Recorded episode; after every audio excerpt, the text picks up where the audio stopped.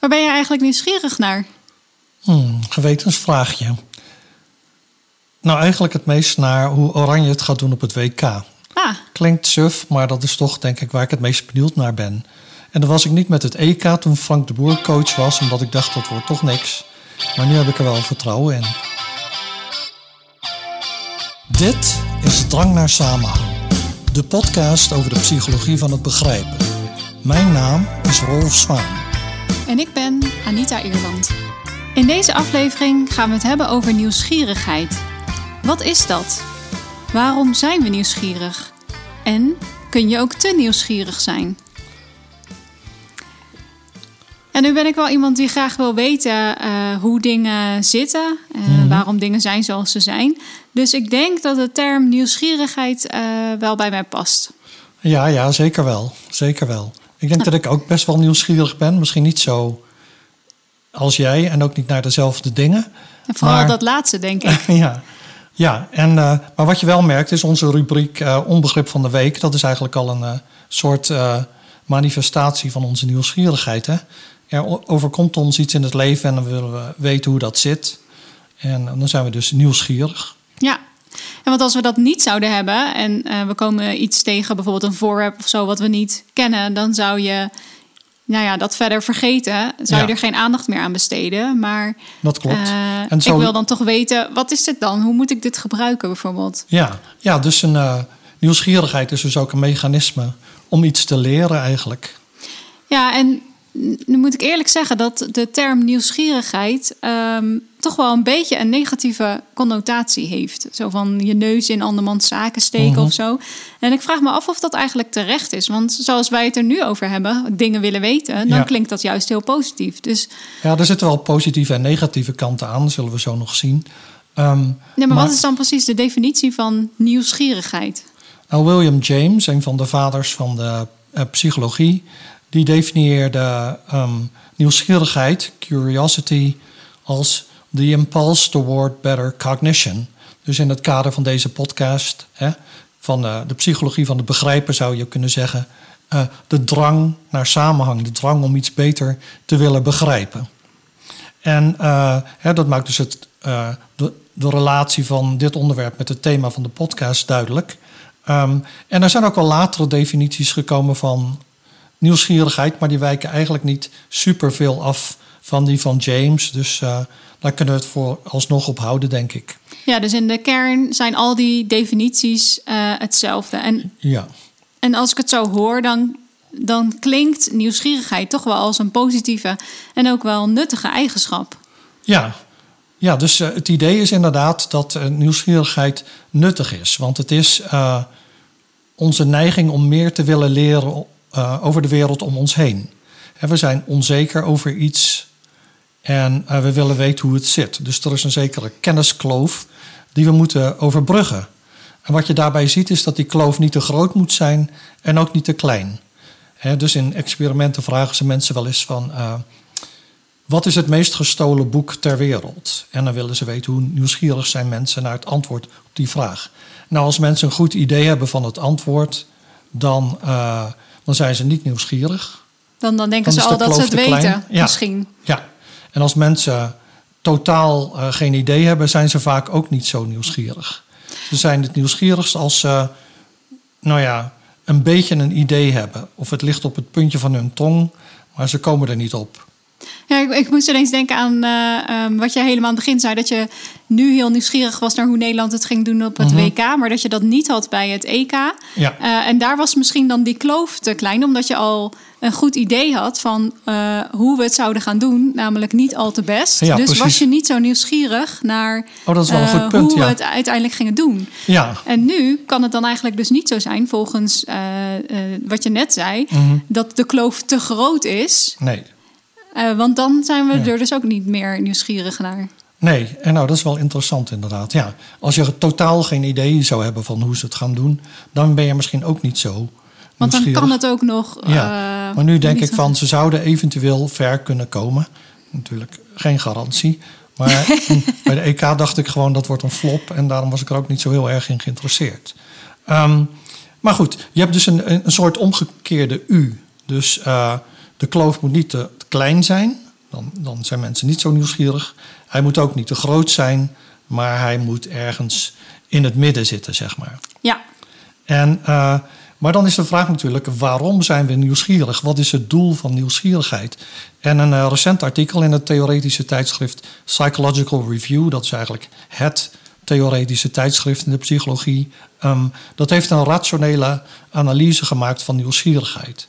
Dus dat is eigenlijk ehm, analyseren van wat, welk doel dient nieuwsgierigheid. En wat ze dan zeggen is, nieuwsgierigheid eh, is een mechanisme waarmee iemand in een omgeving bepaalt wat de meest waardevolle kennis is om te vergaren. En eh, in vroeger onderzoek werd dat ook al gezegd, uit de jaren 50 bijvoorbeeld. En er werd dan gezegd, ofwel mensen zijn geïnteresseerd in dingen die nieuw zijn, ofwel mensen zijn geïnteresseerd in dingen die ambigu, dus meerduidig of complex zijn.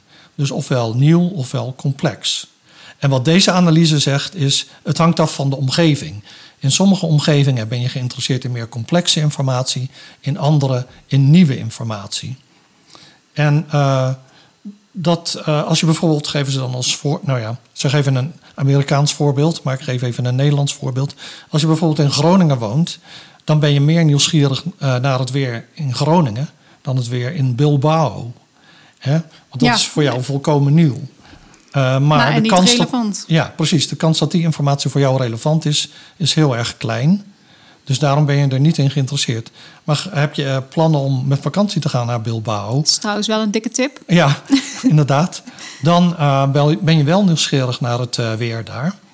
Ook al is die informatie volkomen nieuw voor je.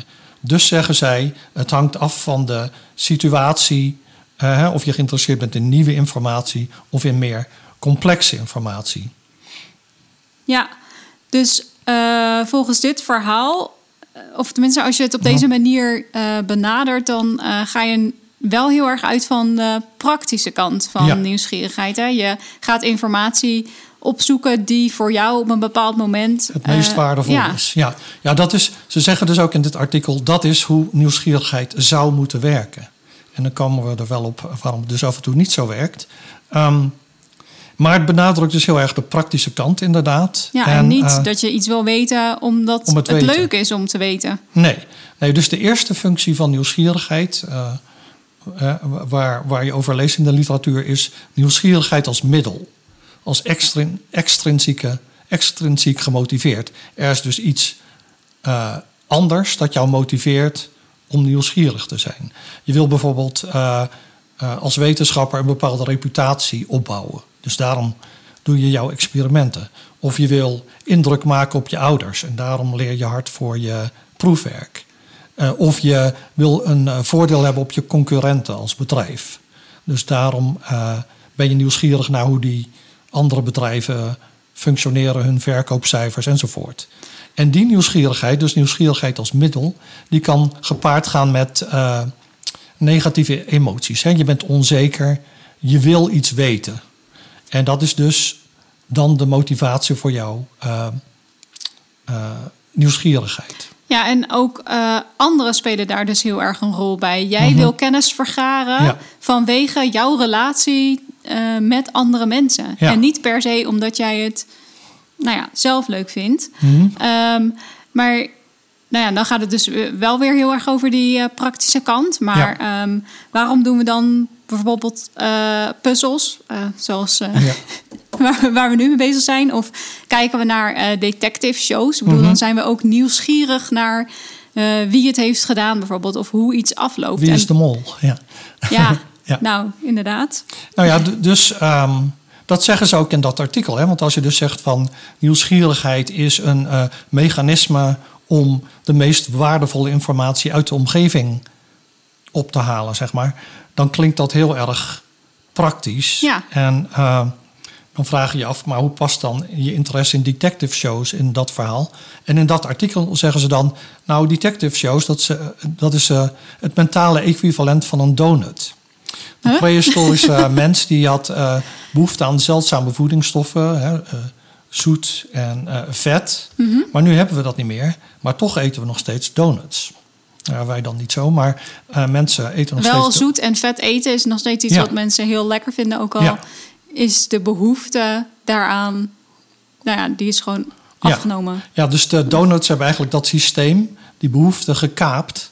En zo hebben ook die detective shows eh, onze nieuwsgierigheid gekaapt. Is hun argument. Maar nou vind ik dat zelf niet super sterk. En ik zat te denken, in eerdere afleveringen van onze podcast hebben wij misschien wel eh, iets gevonden wat een, een beter argument zou zijn waarom mensen geïnteresseerd zijn in detective shows en, eh, en romans en, en dat soort dingen. En bijvoorbeeld in aflevering 10 hebben we het daarover. Word je so- socialer van literatuur. En daar is het idee van mensen lezen literatuur omdat ze daar, daarmee bepaalde sociale situaties simuleren die ze eventueel later in het leven zouden tegenkomen, kunnen komen. Dus het is als het ware een soort je voorbereiden op mogelijke situaties in de werkelijkheid. En dan zou je nog steeds kunnen zeggen, ehm, dat is nuttig. Dus in dat Psychological Review artikel, daar zeggen ze dat het totaal niet nuttig is om naar detective shows eh, te kijken. Want als een kennis van jou eh, vermoord is, is het wel interessant om te weten wie, het, eh, wie de moordenaar is. Maar als het een fictief personage is, dan is het niet relevant. Zo eh, redeneren zij. Maar Nee, ik vind dus dat ja. idee van eh, ehm, die detective shows zijn nog steeds wel relevant. Want je leert daar iets mee over de motivatie van mensen. En misschien hoe mensen leugen of eh, bepaalde daden verbergen enzovoort. En die kennis kan van pas komen in, in het dagelijks leven. Ja, ik denk ook in een fictieve show is het natuurlijk niet belangrijk om te weten wie dan de dader is. Maar je kan eh, wel op een hoger niveau er natuurlijk Ja. wat van leren. Wat jij, Ja. wat jij zegt over eh, motieven van mensen, eh, hoe mensen te werk gaan bijvoorbeeld. Ja. En dat kan je er wel uithalen. En niet als je heel dicht bij een fictieve serie blijft. Nee, dat maar klopt. je kan daar zeker wel wat uit leren. Je kan daar wel parallellen trekken. Ja, dat- Met situaties die in het echte leven voor kunnen komen. Ja, ja, dat is dus het idee dat je ehm, als het ware. Ehm, dus niet het idee van het Psych Review artikel, maar het idee van eh, wat we bespraken in aflevering 10. Dat je dus, ehm, nou, als het ware, jezelf traint in een ongevaarlijke situatie. Hè? Er is niet echt een moordenaar. Ehm, maar de kennis die jij opdoet, het hoeft niet per se over een moord te zijn natuurlijk, kan jou nog Maar goed dat is van wel pas zo komen. lekker. dat is wel zo leuk natuurlijk. Ja, dus eh, dat dan eh, voor wat betreft, laten we zeggen, het praktische nut van nieuwsgierigheid. Dus het kan nog steeds nuttig zijn, ook al kijk je naar een detective show. Maar om terug te komen op jouw vraag van, eh, is nieuwsgierigheid niet ook gewoon leuk? Eh, jawel, en dan- eh, maar dan heb je dus over de intrinsieke rol van nieuwsgierigheid. Dus extrinsiek wil zeggen, er is iets anders wat jou motiveert. Je wil indruk Nou, maken of je coherent voor zijn. En eh, hier is, eh, je bent nieuwsgierig omdat je iets leuk vindt. En die intrinsieke nieuwsgierigheid die komt vaak voort uit extrinsieke nieuwsgierigheid. Als jij bijvoorbeeld eh, nou ja, eerst romans las omdat dat moest voor, op school, voor Nederlands of Engels of Duits, ehm, dan vond je dat misschien leuk en dan ben je dat later voor je plezier gaan doen. Dus je deed het eerst om een goed cijfer te halen, maar je begon het leuk te vinden. En nu doe je het voor je plezier. Eh, je, hebt dus de beloning zit in het lezen zelf al. Ik kan me ook dan- voorstellen dat dat bijvoorbeeld bij kleine kinderen al zo is. Dus Mhm. als je kinderen hebt die bijvoorbeeld veel vragen stellen Ja. en dat gedrag wordt beloond, dus zij stellen vragen, ze krijgen daardoor antwoorden, leren daardoor meer over de wereld, dan eh, werkt die beloning, denk ik, ook een soort van intrinsieke motivatie Ja. voor nieuwsgierigheid eh, aan. Ja, dat, is- dat is wel een goeie. Ik heb niet gekeken naar ontwikkelingspsychologie eh, zozeer, maar ik denk wel dat dat een eh, plausibele ehm, verklaring is. Ik weet het ook niet hoor. Dit is gewoon iets wat ik eh, nu bedenk. Maar Ja. ik kan me voorstellen dat het nou ja, op die manier werkt. Als jij steeds vragen stelt omdat je dingen wil weten, je krijgt daar nooit een antwoord op, dan, dan wordt dat gedrag niet beloond. En Nee. dan zul je dat minder vaak gaan laten zien, denk ik. Ja, dus, en, en dus die extrinsieke motivatie, die gaat vaak gepaard met negatieve emoties. Hè? Dat je denkt dan, waarom verkoopt mijn eh, concurrent meer kroketten dan ik of zoiets? En dan, eh, ja, nou ja, zoiets. Of auto's of wat anders. En eh, dan ga je dat dus opzoeken. Oh, zij bakken in ander, andere olie dan ik. Of ze bakken langer of korter, weet ik veel. Zoiets. Ehm, en... intrinsieke motivatie gaat gepaard met positieve emoties. Van, oh, wat is de, toch spannend om uit te vinden wie de dader is in deze roman van die. Of de nieuwe mol. Ja, wie is de nieuwe mol? Uh, dat soort dingen. Dus, uh, um, ja, dus een belangrijk onderscheid is tussen intrinsieke en extrinsieke uh, nieuwsgierigheid, gemotiveerde nieuwsgierigheid. En dus, dat is dus het verschil tussen nieuwsgierigheid als middel en nieuwsgierigheid als doel. Oké. Okay. Ja, leuk dat we ook in deze aflevering een onbegrip van de week hebben. Ik heb er -hmm. eentje waarvan ik denk, en dus eigenlijk ook hoop dat het een onbegrip is uh, voor jou. Maar heb jij wel eens gehoord van de fudge-test? Fudge-test? Nee, is dat iets met uh, um, vanilla fudge of zo? Is dat niet iets, een toetje of zoiets? Uh, dat daar iets mee te maken. En to fudge, dat betekent ook ver, verdoezelen, informatie verdoezelen of zo. Of dat je het antwoord niet echt weet en dan fudge je iets. Nee, dat is wel oh. allemaal heel leuk bedacht, maar dat is het niet. Oh. Ik hoopte dat je misschien een, uh, ook de link zou leggen met de marshmallow test. Oh ja, ja ik weet niet of we het daar ooit over hebben gehad. Maar daar nee, heeft nee. het ook helemaal niks mee te maken. Oh, oké. Okay. Um, ik kwam er toevallig op uh, naar aanleiding van uh, iets waar we het in een eerdere aflevering over hebben gehad. Namelijk over nieuwe woorden. En in mm -hmm. de vorige aflevering vertelde jij ook nog over doomscrolling. Dat dat ja. nog geen echt woord is, maar staat wel op de lijst van interessante woorden die mogelijk opgenomen worden in een woordenboek.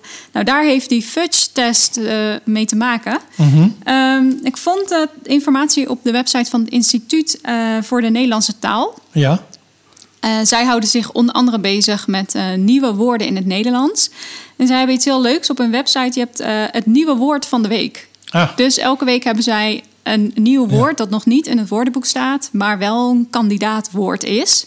Uh, en die fudge-test is dus een test die je kunt doen om um, een beetje te gaan voorspellen of nieuwe woorden uh, uiteindelijk in het woordenboek terechtkomen of niet. Mm -hmm. En dan staat fudge, dus die letters, F-U-D-G-E, die staan dan voor uh, ja, verschillende aspecten waarop je dat woord kunt testen om te kijken of het een kans maakt om Mhm. op, opgenomen te worden in het woordenboek. Dus dat heeft onder andere te maken met, dan moet ik even mijn lijstje erbij pakken de frequentie van een woord, dus hoe vaak wordt iets gebruikt. Ja. Uh, de unobtrusiveness. Dus ja. het moet een woord zijn wat niet te veel opvalt of te Mhm. gekunsteld voelt. Ja. Soms heb je dat met samentrekkingen van woorden, of dan hè, maken ze een nieuw woord van twee bestaande woorden. En dat klinkt dan heel raar. Ja. Uh, nou ja, dan valt het te veel op. Dan is de kans dat het in het woordenboek komt veel kleiner. Uh, diversity. Uh, dat betekent dat, dat het woord gebruikt moet worden door meerdere groepen en ook in meerdere situaties. Dus niet dat het jargon is. Ja, precies. Of dat Ja. het een woord is wat alleen uh, door uh, jongeren op straat wordt gebruikt, bijvoorbeeld. Maar als. Mattie of zo. ja, ik weet het niet. Dat zou best kunnen. Ja. Als, als een woord in andere contexten door andere gebruikers ook gebruikt gaat worden, dan is de kans groter dat het een echt woord wordt. Uh, even kijken hoor, dat was de D. Dan krijgen we Generation of Forms and Meaning. En dat vond ik eerlijk gezegd een beetje een, uh, een vage. Even kijken hoor. Ik had dat. Uh, dat heeft ermee te maken dat volgens mij, als je een afgeleide hebt van een woord al. Mhm. Dus als het woord zich al een beetje ontwikkeld heeft in de taal. Um, dan uh, is de kans ook groter dat het uiteindelijk in het woordenboek uh, terechtkomt. En uh, dat had ook iets mee te maken of je ook uh, andere woorden hebt voor hetzelfde begrip. Waarvan Ja. ik dacht, maar als je concurrenten hebt voor eenzelfde begrip, waarom zou dan het een eerder in het woordenboek komen dan het ander? Maar goed. De laatste is endurance. Um, en dat heeft te maken met of het een woord is voor iets heel actueels, Mhm. wat ook weer snel weg kan gaan bijvoorbeeld. Ja, dan is de kans Ja. dat een woord in het woordenboek terechtkomt heel klein. Dan is het een tijdje heel populair en dan Ja. verdwijnt het gewoon. Mhm. En dan mag je als laatst nog, uh, mag jij bedenken wat de betekenis is van het uh, laatste woord van de week. En dat is flurona. Flurona. Dat is uh, een samentrekking van de flu, dus griep, denk ik, en corona. Uh, Als ik nu een belletje had, zou ik ding, ding, ding, ding. of het is een, uh, een nieuwe band die ik nog niet ken, maar Flurona klinkt niet zo goed. Nee, Um, dus het ja. is inderdaad wat je zei. Ah, oké. Dus- En Maar dus is dan het idee van corona wordt uiteindelijk zoiets als de griep of zo? Of? Nee, uh, je hebt flurona als je het allebei hebt. Oh, oké. Oh, ja. dus heb je dubbel pech. Ja, oké. Ja, dat maakt zin. That makes sense. Oké, uh, nou leuk. Dan uh, zat ik er weer redelijk naast, geloof ik. Maar goed. Uh, maar dat maakt het zo leuk natuurlijk. Ja. het is ook niet leuk als ik zeg, ken je de fudge test? En dat jij zegt, ja, dat is om te bepalen Ja, of een dan zou ik er niet nieuwsgierig naar zijn. En we hebben net gezien dat je dus een soort optimum moet hebben van... Dus met fudge was ik wel nieuwsgierig, want ik dacht, ja, ik ken dat woord wel. Ehm, maar ik wist niet in welke context ik er nu aan moest denken. Ja. Oké, nu hebben we het in het eerste deel gehad over wat nieuwsgierigheid nou eigenlijk is. eh, waarom we nieuwsgierig zijn. En eh, ehm, we hebben het gehad over de positieve en negatieve kanten, beetje, van Ja. eh, nieuwsgierigheid. Ehm, maar er lijken best wel veel individuele verschillen te zijn in nieuwsgierigheid. Hè? Sommige mensen zijn de hele tijd nieuwsgierig en andere mensen lijken totaal niet nieuwsgierig te zijn. Dus ja, hoe komt het eigenlijk dat, dat sommige mensen nieuwsgieriger lijken dan anderen? En is het, zijn ze ook nieuwsgieriger dan anderen? Ja, ik moet denken aan eh, toen dus eh, George W. Bush presidentskandidaat was in de VS. Zeiden veel mensen, ja, maar die man is zo dom. En toen zeiden zijn eh, medestanders, nee, hij is niet dom, hij is gewoon niet nieuwsgierig. Incurious. En eh, ik vond dat eigenaardig. Ik dacht, ja, maar dat hangt toch met elkaar samen. Als je niet nieuwsgierig bent, dan eh, kun je niet heel erg slim zijn. Ben je waarschijnlijk niet heel erg slim. Nou heb ik op eh, Twitter gisteren gevraagd aan collega's van... ehm, hè, individuele verschillen in nieuwsgierigheid, waar zijn die aan te wijten of waar hangen die mee samen? En een collega uit Amerika die onderzoek doet naar kinderen, die zei: eh, eh, Ja, het hangt samen met intellect, met laten we zeggen intellectueel vermogen. Eh, maar niet per se met voorstellingsvermogen of perceptuele gevoeligheid, maar dus wel met intellect. Daar hangt het wel mee samen. Als je dus eh, meer intelligenter bent, ben je nieuwsgieriger. En eh, iets anders wat een rol speelt is concludeerdrang. Need for closure. Ik heb het daarover in het boek, in het hoofdstuk over de Beatles. ehm, niet meer. 14 volgens mij. Hoofdstuk 14 zou goed kunnen. Ehm, eh, je hebt dus een, een, een test waarmee je kunt meten hoe eh, open-minded mensen zijn of hoe gesloten hun denkprocessen zijn. En eh, als die dus erg gesloten zijn, zijn dat vaak mensen die snel tot een conclusie willen komen en daar dan aan vasthouden tegen de klippen op. Daar hebben we het ook al eerder over gehad. Ehm, nou ja, wat je dus over, bij die mensen vindt is, die zijn in het begin heel nieuwsgierig, totdat ze een conclusie hebben gevonden die ze aanstaat. En dan zijn ze helemaal niet nieuwsgierig meer. Dus die doen niet uitgebreid onderzoek, Nee. eh, verschillende bronnen raadplegen. Of. Als ze een verklaring tegenkomen die goed genoeg is, Ja. dan. Dan zijn ze klaar. Dus dat noemen ze ehm, seizing and freezing. Dus ze grijpen naar een eh, eh, verklaring. Dus dat is dan de nieuwsgierige fase. Maar dan bevriezen ze die en dan zijn ze niet meer geïnteresseerd in, of niet meer nieuwsgierig naar andere informatie over dat, over dat punt. Ehm, dus daar zie je ook wel een, een factor die eh, van invloed is op hoe nieuwsgierig mensen zijn, eh, hoe open-minded ze zijn en, eh, en dus hun intellectuele vermogen. En volgens mij heb ik dat wel seizing, maar niet zozeer freezing. Want ik kan echt blijven zoeken naar informatie over Ja. dingen. En ik denk altijd dat er nog meer te weten valt. Dat is vaak Ja. ook zo. Maar het is ook wel eens lekker om wel tot een eh, conclusie te Maar komen je hebt natuurlijk. natuurlijk diminishing returns. Dus op een bepaald moment dan denk je van ja, ik kan nog wel meer naar informatie zoeken, maar ehm, dat gaat me niet heel veel meer opleveren. Misschien nog 1% meer. Dus je doet dan heel veel moeite voor nog 1% meer. Ja, Dus ik heb zelf wel dat ik ook vrij lang wacht. Maar dan als ik merk van ja, ik boek niet al te veel voortgang. Hè, dan, eh, dan denk ik oké, dat is voorlopig even mijn conclusie. ja.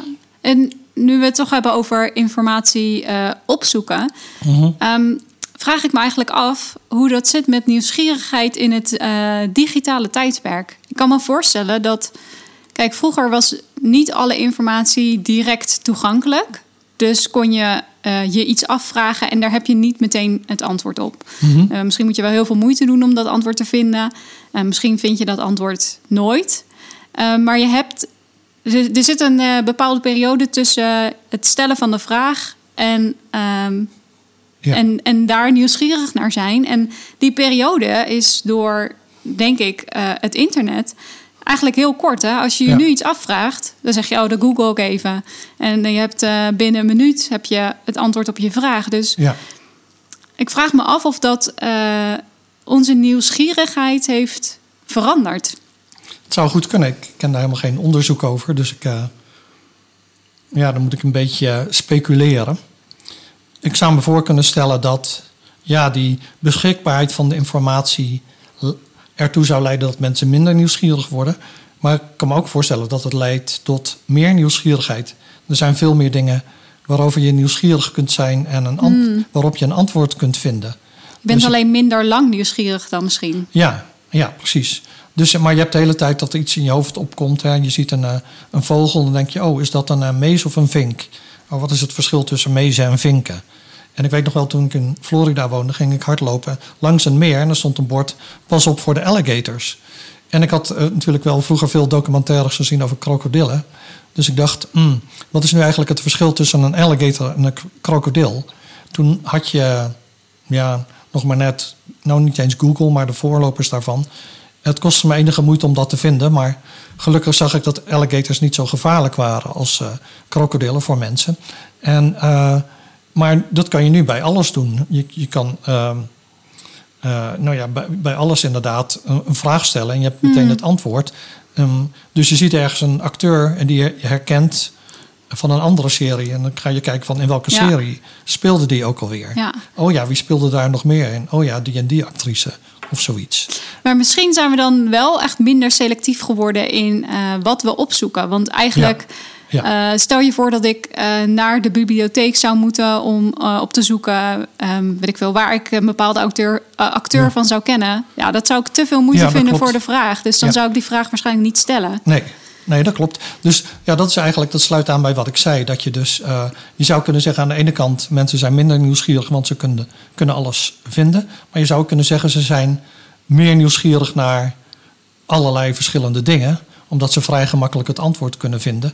Maar op zich, als je dan weer terugkoppelt naar dat artikel in Psychological Review, dan zouden die auteurs zeggen, maar die kennis is helemaal niet nuttig. Nee, En eh, klopt. dat is dus een, eh, daar is dus jouw nieuwsgierigheid gekaapt door misschien de makkelijke beschikbaarheid van, eh, van informatie of zo. Ja, en de dingen waar ik zelf nieuwsgierig naar ben en, en wat jij zei, waar jij nieuwsgierig naar bent, dat zijn ook dingen die je niet kunt opzoeken. Nee. Je kan niet nu al opzoeken hoe Nederland het gaat doen op het WK. Nee, Ik kan niet nu al opzoeken eh, wie de nieuwe, sorry, spoiler alert, nieuwe mol is in eh, eh, de, Belgische mol. Ja, ja. dat, Ja. dus dat zijn dingen. Of, of hoe je favoriete, weet ik veel, detective afloopt of zo. Ja, Nou, dat kan je misschien wel opzoeken. Nou ja, maakt ook niet uit. ja dat, dat soort dingen kun je, als het eh, al gepubliceerd is, kun je er alles over vinden. Maar, ja, eh, maar dan is het misschien minder leuk om er nieuwsgierig naar mhm. te zijn. Ja. Nou ja. Ehm, ja, we hadden nog een vraag helemaal in het begin. Ehm, of het altijd goed is om nieuwsgierig te zijn... of dat je ook te nieuwsgierig kunt zijn. Ja, nou ja, in het Engels heb je het gezegde curiosity killed the cat. En ehm, ik zocht naar het Nederlands equivalent, dat wist ik zo 1, 2, 3 niet. Maar blijkbaar is dat, de duivel heeft het vragen uitgevonden. Nou, heb ik dat nog nooit eh, iemand horen zeggen. Ik ook niet. Ehm, maar ja, ik denk, of dat, er is wel duidelijk onderzoek dat laat zien van ja, mensen kunnen te nieuwsgierig zijn naar, eh, naar dingen. En als je bijvoorbeeld denkt aan een bedrijf, hè, dan kan het goed zijn voor zo'n bedrijf om eh, de, nou, nieuw- zoals ik net ook al zei, nieuwsgierig te zijn naar de concurrent. En van eh, wat Hoe beweegt de concurrent en hoe pakt hij, ja, hoe bakt hij zijn kroketten. Maar ook naar de klant. Waarom Mhm. gaat de klant wel naar die snackbar en niet naar de mijne? Ehm, of in een grote organisatie, eh, eh, waarom is de tevredenheid onder de klanten groter bij mijn concurrent dan bij mij? Dus daar is die nieuwsgierigheid nuttig. Mhm. Maar als je zo nieuwsgierig bent naar je eigen medewerkers, dan kan dat als onprettig worden, worden ervaren natuurlijk. Als, je, als die het gevoel hebben van eh, ze zitten een beetje te, hoe zeg je dat? Te, te, te, te prikken of te, ze zijn me een beetje aan het bespieden. Ja, dat zou Mhm. Ja, heel ja. onprettig zijn. Dus dat is dan een ongezonde nieuwsgierigheid. En verder, als je kijkt naar individuen, zie je dat in mensen die dus eh, experimenteren met drugs of met riskant gedrag. Eh, mensen die elkaar aan het bespioneren zijn.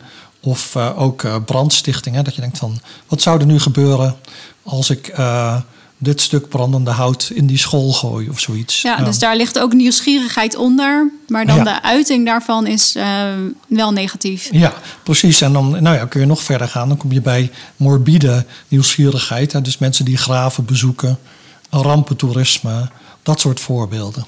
Ja, ik vond de morbide nieuwsgierigheid super interessant. Misschien omdat ik denk dat ik daar eh, eh, wel wat van heb. Ehm, maar ik heb daar dus eh, het een en ander over gelezen. Ehm, en morbide nieuwsgierigheid is dus dat je nieuwsgierig bent naar informatie die informatief is over de dood. Of, of tot de dood kan leiden. Niet dat je iets leest en dat je dan daardoor doodgaat. Maar informatie over hoe bijvoorbeeld mensen overlijden of zo. Informatie over hoe een bepaald gif bijvoorbeeld werkt. Ehm, en die morbide nieuwsgierigheid, dus dus een onderdeel van nieuwsgierigheid, bestaat zelf ook weer uit verschillende onderdelen, vijf verschillende eh, facetten. Je hebt, eh, en die kun je dus ook meten, maar daar zullen we het eh, straks nog over hebben. Je hebt algemene morbide nieuwsgierigheid. Je hebt een onderdeel paranormaal. Ehm, gedachten van gevaarlijke mensen. Dus Mhm. wat denken moordenaars of zo. Lichamelijk letsel en geweld. Dus dat zijn de vijf Mhm. onderdelen van morbide nieuwsgierigheid. En als je dus hoog scoort op morbide nieuwsgierigheid, kan het zijn dat je vooral geïnteresseerd bent in één van die vijf dingen, maar niet in allemaal eh, evenveel. Maar waarom zou je daar nou eh, zo in geïnteresseerd zijn? Ja, dat vind ik wel een goede vraag. Want Mm. ehm, ja, waarom zou je voor de lol eh Ja. zulk soort nare informatie opzoeken? Mhm.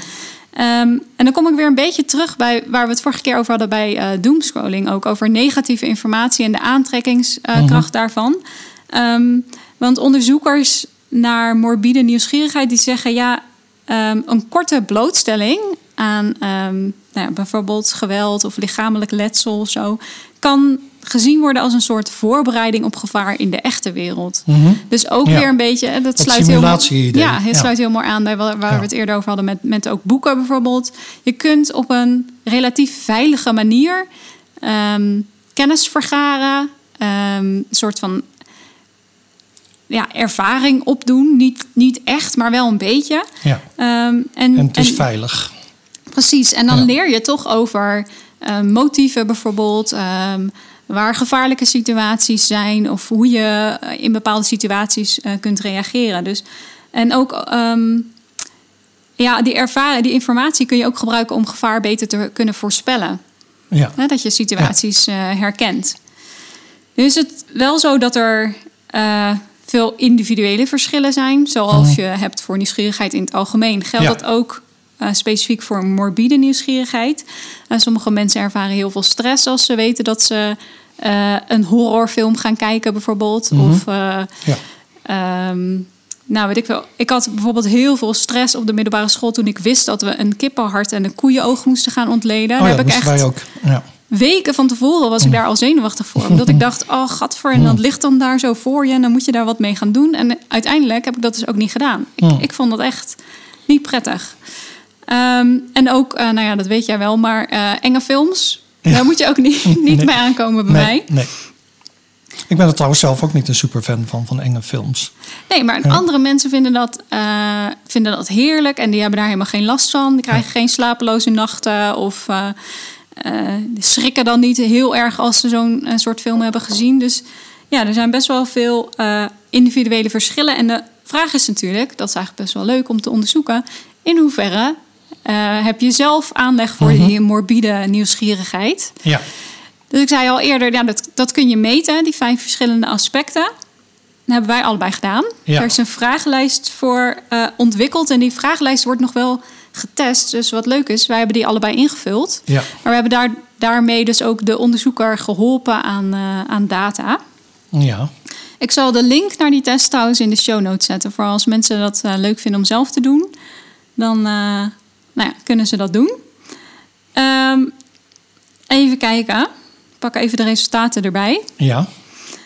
Ehm, want ehm, wat mij opviel was dat jij best wel laag had gescoord. Dus je kan voor die vijf aspecten krijg je een score tussen de 1 en de 6. 6 is dan eh, maximale morbide nieuwsgierigheid. ja. Eh, en we weten ook wat tot nu toe van alle mensen die het hebben ingevuld, wat dan het gemiddelde is en de eh standaarddeviatie. Dus dan weten wij of wij een beetje normaal hebben gescoord of onder het gemiddelde of daarboven.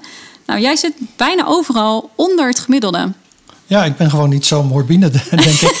Ehm, ehm, dus ja, ik bedoel, ik score laag op paranormaal. Dat is ongeveer het minimum. Daar ben ik echt totaal niet in geïnteresseerd. Ehm, verminkingen ook niet. En geweld ook niet echt. En eh, ja, dan heb je dus alleen eh, de, de geest, de gedachte van gevaarlijke mensen. Daar ben ik dan als psycholoog natuurlijk wel in geïnteresseerd.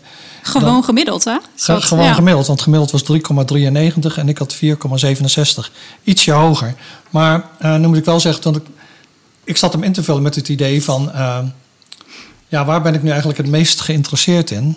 En dat is in In het voetbal de WK zeker. voetbal. Dus vergeleken daarmee ben ik minder geïnteresseerd in de geesten van gevaarlijke mensen, blijkbaar.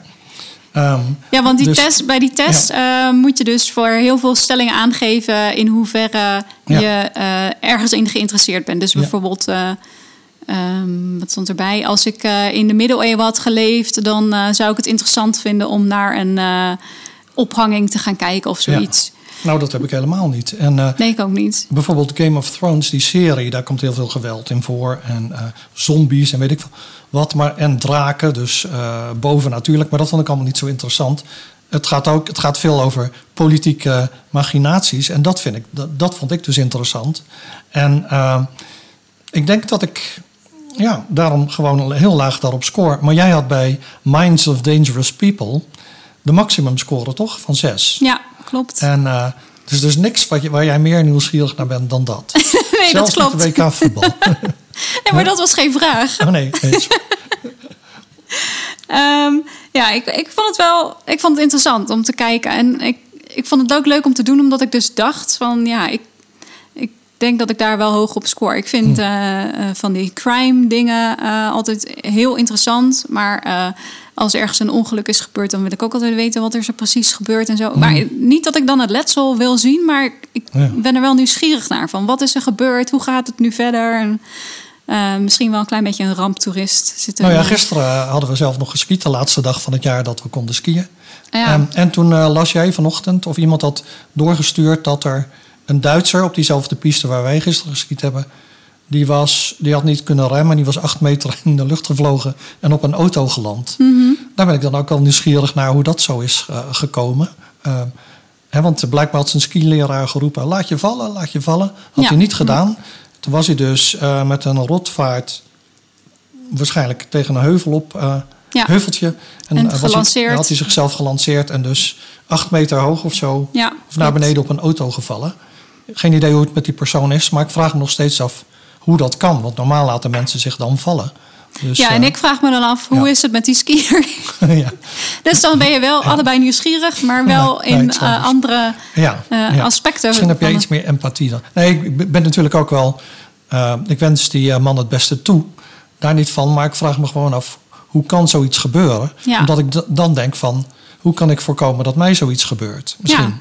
Dus Nou, en dat maakt het dan nuttig. Ja. Zeg maar. Ja. Ehm, maar goed, ja, dus ik eh, schrok wel van jouw scores. je bent een morbide podcaster. Maar nou, het valt mee. Je zat overal eh, gemiddeld alleen iets meer geïnteresseerd in eh, de geesten van gevaarlijke mensen. Maar dat is ook logisch. Al, hè? Je bent psycholoog en je bent ook geïnteresseerd in forensische psychologie. Dus eh volkomen Ja, dat is toch helemaal niks wat je Nee. niet had kunnen verwachten. En het is ook niet per se slecht, hè? Nee. Ehm, want eh, het kan. Kijk, de, het klinkt misschien heel naar als je in dat soort dingen geïnteresseerd bent. Maar het kan ook nuttig zijn omdat je je eh, kunt voorbereiden. Of dat je kunt oefenen met bepaalde dingen die je Ja. anders eh, in het echte leven meteen te eng zou vinden of zo. Ja. Er zijn allerlei verklaringen voor. Ik heb ook allemaal andere artikelen gezien over eh, waarom true crime podcasts zo eh, populair zijn. Zo. Daar Mhm. kunnen we nog een hele uitzending mee vullen. Maar Mhm. eh, dat is voor vandaag denk ik een beetje te veel. Toekomstmuziek. Ja. Ik, had- ik had nog wel één leuk ding over eh, ehm, onderzoek naar mensen met, die dus hoog scoren op die morbide nieuwsgierigheid in relatie tot de coronapandemie. Oh ja. Ehm, want het blijkt zo te zijn dat mensen die dus hoog daarop scoren, die zijn ook in het begin van de coronapandemie meer op zoek gegaan naar morbide informatie Oh, over corona. En eh, die mensen lieten ook een toename zien als je keek naar eh, in wat voor films en series ze geïnteresseerd waren. eh liet zij een toename zien van interesse in, in series die iets te maken hadden met een pandemie of met de verspreiding van een virus en met horror en thriller Ja, ja. genres. Dus daar zijn ze sowieso al meer in geïnteresseerd. Maar door, doordat er in het echte leven nu ook zo'n bedreiging was, Mhm. eh, eh, ja, nam die interesse dus toe. Op zich kan een, een hoge morbide nieuwsgierigheid eh, best adaptief zijn. Ja, oké. nou ja, dan hebben we het dus eh, gehad over nieuwsgierigheid. En dat er dus intrinsieke en extrinsieke is. Extrinsiek is, je bent nieuwsgierig om, eh, naar bepaalde informatie... omdat die informatie jou verder kan helpen op een bepaald gebied. Intrinsieke eh, nieuwsgierigheid is, je bent geïnteresseerd in iets... omdat dat iets op zichzelf eh, belonend voor je is. Dus bijvoorbeeld het lezen van een roman of wielrennen of wat dan ook. Ehm, en dan hebben we het gehad over dat nieuwsgierigheid soms ehm, negatief kan zijn. En hebben we het gehad over morbide nieuwsgierigheid. We zagen dat jij een morbide persoon bent en ik niet. En, eh, lekker. ja. En eh, dan hadden we nog wat ideetjes over ehm, hoe het internet eh, misschien invlo- van invloed kan zijn op de nieuwsgierigheid. Maar daarover kennen we geen van beide onderzoek. Dus dat blijft nog iets voor de toekomst. Daar blijven we nieuwsgierig naar. Zeker. Vond je dit een leuke aflevering? Abonneer je dan. Op Twitter en Instagram zijn wij te vinden als Drangkast. Je kunt ons ook mailen via drangkast.gmail.com. Een beoordeling met 5 sterren helpt nieuwe luisteraars onze podcast te vinden. Behoefte aan meer drang naar samenhang? Ga dan naar de boekwinkel of bestel het gelijknamige boek online. Eventuele hoofdstukken die aansluiten bij deze aflevering vind je in de show notes. Tot de volgende drang. Drang naar Samenhang is een podcast van Rolf Zwaan en Anita Eerland. Montage door Rolf Zwaan. Muziek geschreven en gespeeld door Rolf Zwaan.